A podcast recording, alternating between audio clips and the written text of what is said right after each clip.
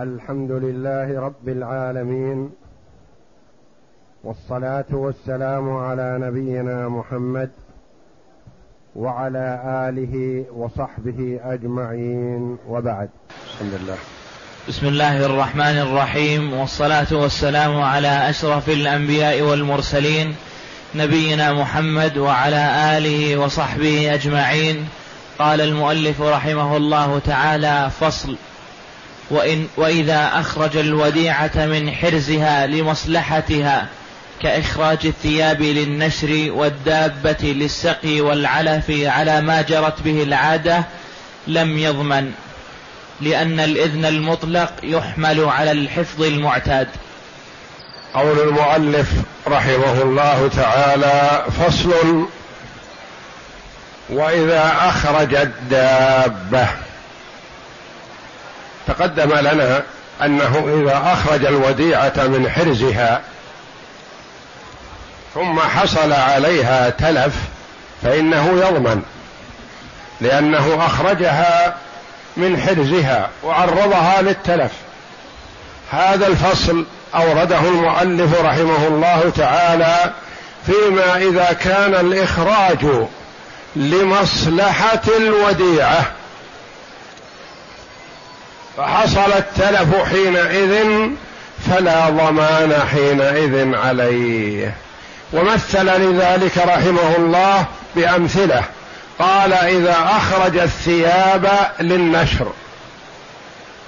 الثياب في وقت الصيف إذا كانت محفوظة في مكان ما يتطرقه الهواء تحتاج إلى إخراجها للهواء. الثياب إذا تعرضت لرطوبة تحتاج إلى إخراجها للشمس. الدابة تكون في حرز مثلها في الحظائر المعدة لذلك. أخرجها من أجل أن ترعى تأكل. أخرجها من أجل أن تشرب. فسرقت أو نهبت أو تلفت أو سقطت في حفرة ونحو ذلك. هذه الحال لا يضمن. ما يقال إنه أخرج الدابة من حرزها فعليه الضمان. ينظر في هذا الإخراج. فإن كان الإخراج لمصلحتها لمصلحة الأمانة والوديعة فلا ضمان حينئذ. وإن كان الإخراج لمصلحة المرء نفسه موضوع عنده فرس ليحفظها مثلا. وضعها في حرز مثلها في الحظيرة فأخرج الفرس من أجل أن يركبه إلى مكان ما فركب الفرس وفي أثناء ذهابه أو عودته تلف الفرس فيضمن في هذه الحال لأنه أخرجه من مكانه لمصلحته هو بخلاف ما إذا أخرج الفرس من أجل أن يسقيها.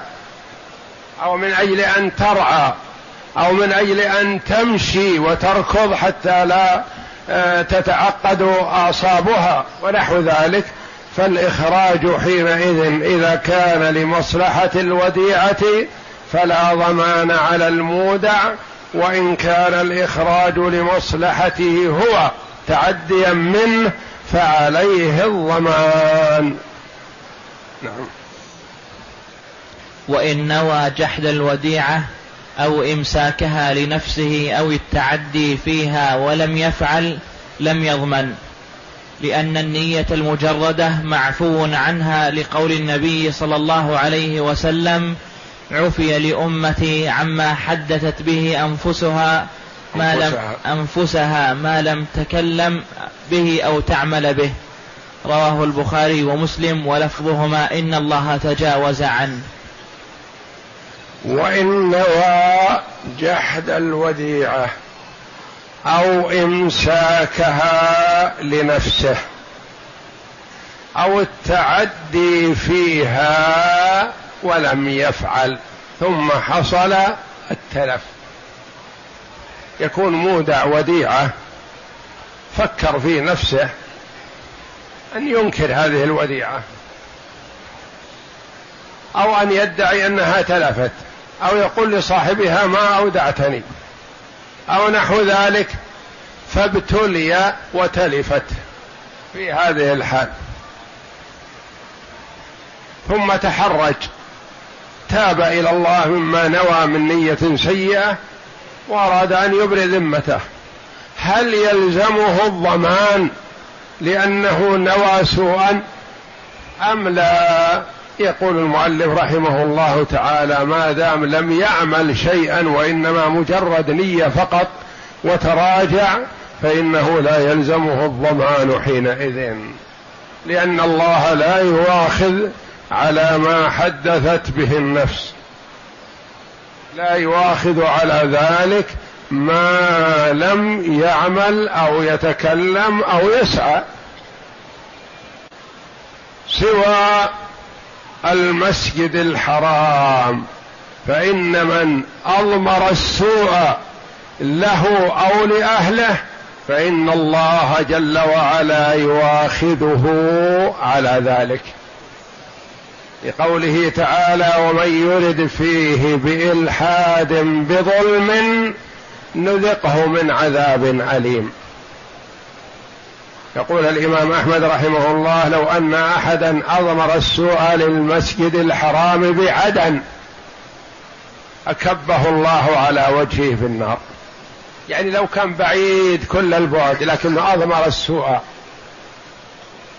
فإضمار السوء في غير المسجد الحرام لا يواخذ الله جل وعلا به تكرما منه واكراما لنبيه صلى الله عليه وسلم عفي لي عن امتي الخطأ والنسيان وما استكره عليه وهذا الحديث ما حدثت به أنفسها ما لم تعمل أو تتكلم. قد يقول قائل هذا فيه شيء من المعارضة لحديث الرسول صلى الله عليه وسلم. إذا التقى المسلمان بسيفيهما فالقاتل والمقتول في النار. قالوا يا رسول الله هذا القاتل يستحق يعني. فما بال المقتول؟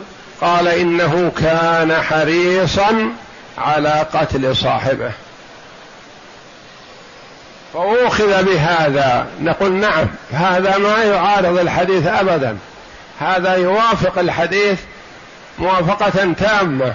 ما لم تعمل أو تتكلم وهذا التقى بسيفه.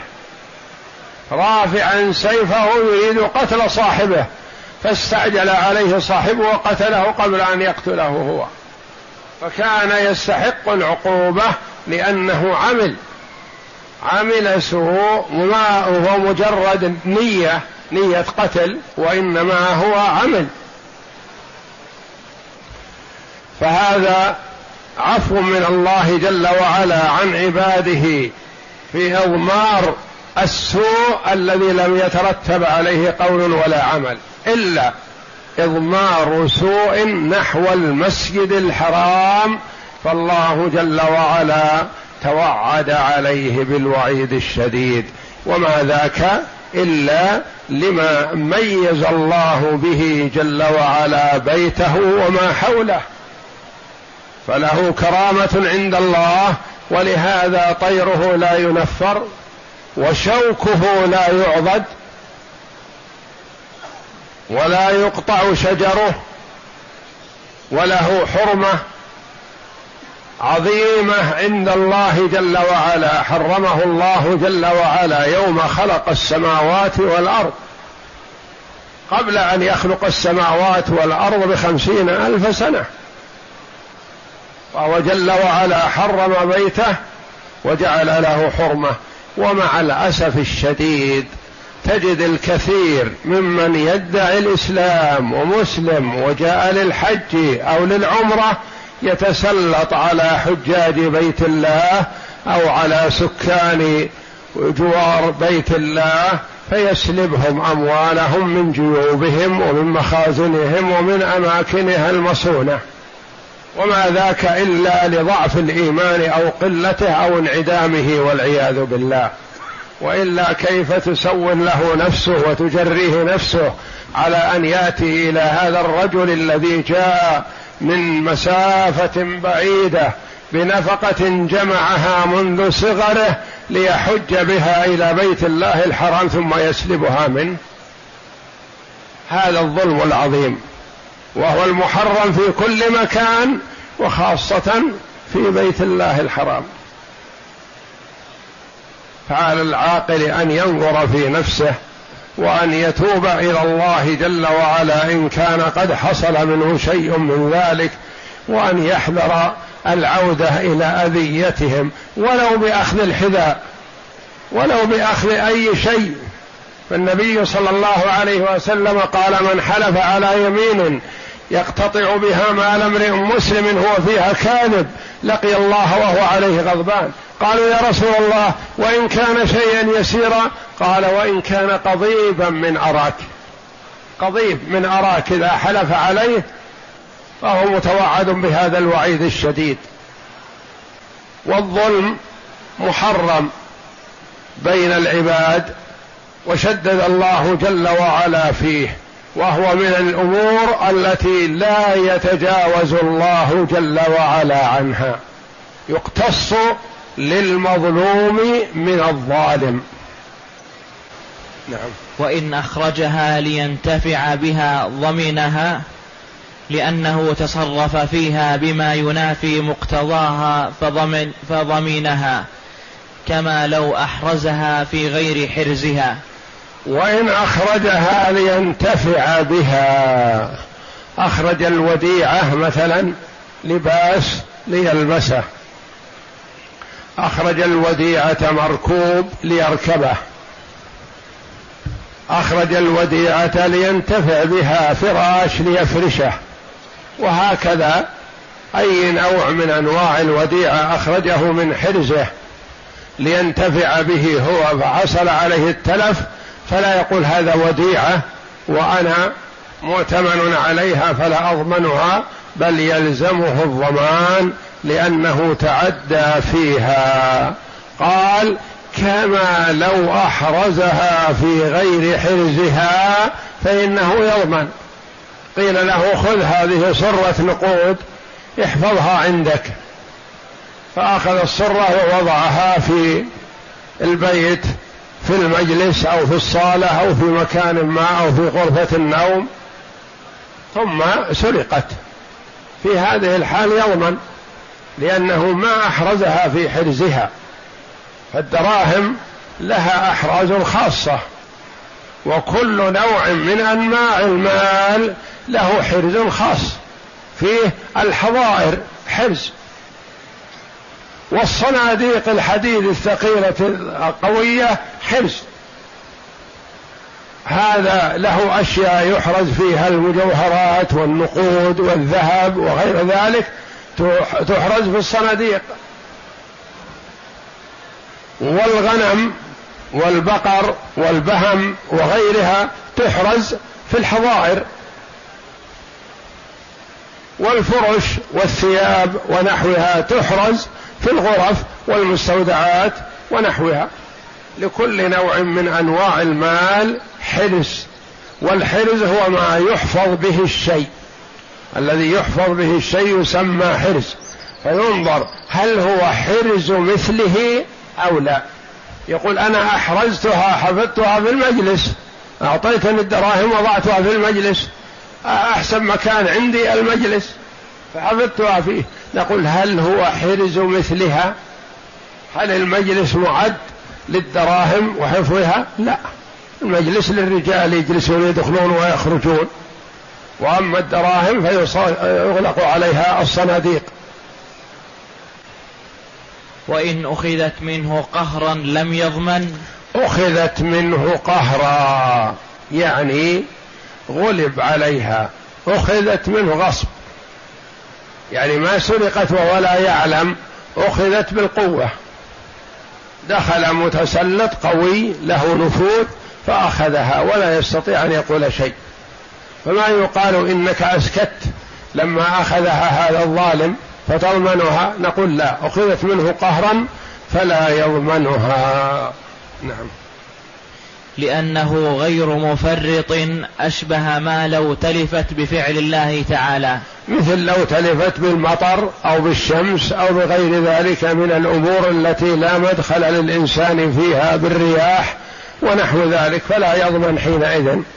نعم. وإن أكره حتى سلمها لم يضمن لأنه مكره أشبه الأول. أكره. الأول أخذت منه قهرا والثاني أكره على أخذها. بينهما فرق وكلاهما لا يضمن لأنه لا استطاعة له. الأول دخل الظالم وأخذها والرجل ينظر ولم يستطع أن يقول شيئا. لو قال شيئا ضربه. والثانية الظالم ما يدري أين هي. يقال له مثلا يأتيه الظالم المكره يقول أنت بين أمرين هذا المسدس. تعطيني وديعة فلان وإلا أحط المسدس في صدرك مكره. وهذا جرب عليه أنه يفعل وهو توعد مجرد وعيد. يعطيها إياه حتى يسلم. ما يقال إنك أعطيتها إياه من أجل سلامة بدنك ونفسك. لا مكره. الأول ظالم والثاني أخذت منه بالإكراه يعني كأن الظالم في الثانية ما يدري أين الوديعة وبحث عنها ولم يجدها. فأحضر المسدس وقال تحضرها لي وإلا هذا المسدس. أو جاءه مثلا واحد من أقاربه من أقارب المودع ابنه أو أخوه أو عمه قال أعطني وديعة فلان. قال هو أعطاني إياها ولا أسلمها إلا إله. فشعر في وجهه السلاح وقال إما أن تسلمني وديعة أخي أو عمي أو عبي وإلا أطلق الرصاص في صدرك. فأعطاها إياه في هذه الحال. لا يضمن لأنه مكره. والله جل وعلا عذر المسلم في حال الإكراه أن يتكلم بكلمة الكفر. إلا من أكره وقلبه مطمئن بالإيمان. نعم. فصل. فإن طولب بالوديعة فأنكرها فالقول قوله لأن الأصل عدمها. وإن وإن طولب بها فأنكرها. فالقول قوله لأنه إن كان في شهود فالشهادة معتبرة في كل شيء. لكن الرجل ائتمن صاحبه على نقود وأعطاه إياه وقال أغرق عليها في الصندوق. فجاء صاحبها بعد مدة وقال أعطني الأمانة أعطني الوديعة قال ما عندي لك شيء. أنكر. وذاك يقول عندك. القول قول من؟ قول المنكر لأن الأصل عدمه. ما ثبت الإيذاء حتى يقال هل ردت أو ما ردت وإنما ما ثبت الإيداع فهو يقول ما أودعتني شيء. فالقول قوله حينئذ. نعم. وإن أقر بها وادعى ردها أو تلفها بأمر خفي قبل قوله مع يمينه. في هذه الحال وإن إن أنكرها أو أقر بها وادعى ردها قال صحيح أنت أودعتني لكن جئتني بعد يوم أو يومين وأخذتها فأنا رددتها عليك فقال أبدا ما أخذتها والحمد لله ما دمت تقر بها فأنت تثبت الرد. نقول ما يلزم أن يثبت وإنما لك يمينه في ادعاء الرد. أو تلفها بأمر خفي التلف نوعان. تلف بأمر خفي وتلف بأمر ظاهر. التلف بأمر خفي يكفي في إثباته اليمين. يحلف أنها تلفت بالمطر بالماء الذي سال من السطح أو نحو ذلك أو تلفت بأن انطلقت عليها دابة وأكلتها ونحو ذلك. هذا أمر خفي يكفي فيه اليمين. ادعى التلف بأمر ظاهر. قال تعدى علينا لصوص وسرقوا من كثير من البيوت ومن ضمن ما سرقوا الوديعة التي أودعتني. يقال أثبت إن هذا حصل. حصل لأنه يدعي امرا ظاهر. أو قال إنه أتى مطر غزير في البلد وتلف به كثير من الأشياء ومن ضمن ما تلف وديعتك. وهذا صاحب الوديعة ما يدري عن المطر. يقال يطالب بالإثبات بأن المطر وقع حقيقة صدق. يعني إذا ادعى التلف بأمر ظاهر فلا بد من البينة على هذا الأمر الظاهر. وإن ادعى التلف على أمر خفي فإنه يكفي فيه اليمين. وإن أقر بها وادعى ردها. وإن أقر بها وادعى ردها أو تلفها بأمر خفي قبل قوله مع يمينه لأنه قبضها لنفع مالكها. فرق بين القبض للنفع المالك أو قبض لنفع القابض فإن القبض لنفع القابض تحت ضمانه والقبض لنفع المالك فإنها تكون في ضمان المالك وليست في ضمان القابض لأن القابض ما له مصلحة. هذا فرق بين العارية والوديعة. الوديعة قبضها المودع لنفع المالك والعارية قبضها المستعير لنفعه هو. وستأتينا العارية. نعم.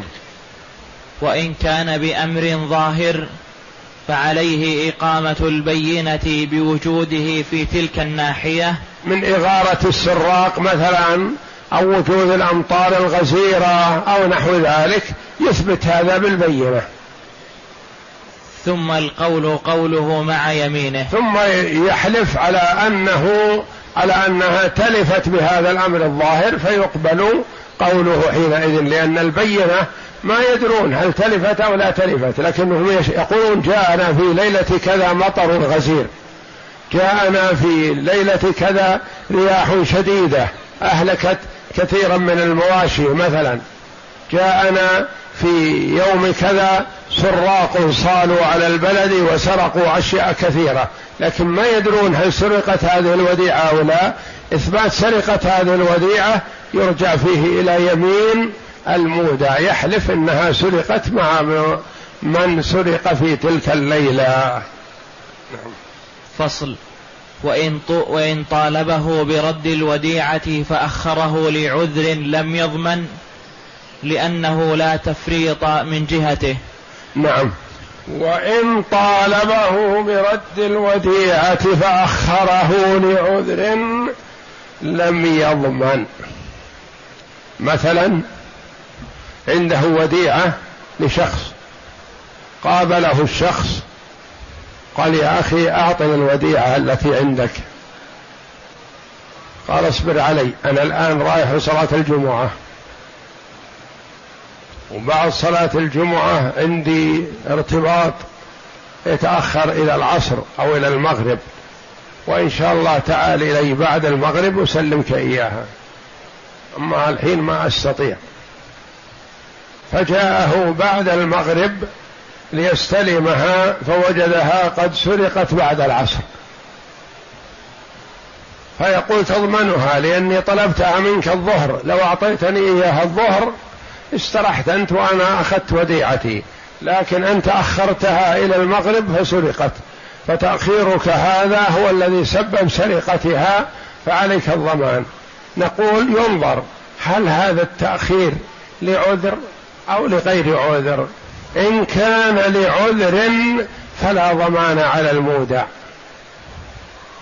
وإن كان لغير عذر فعليه الضمان لأنه أخر التسليم كما سيأتي.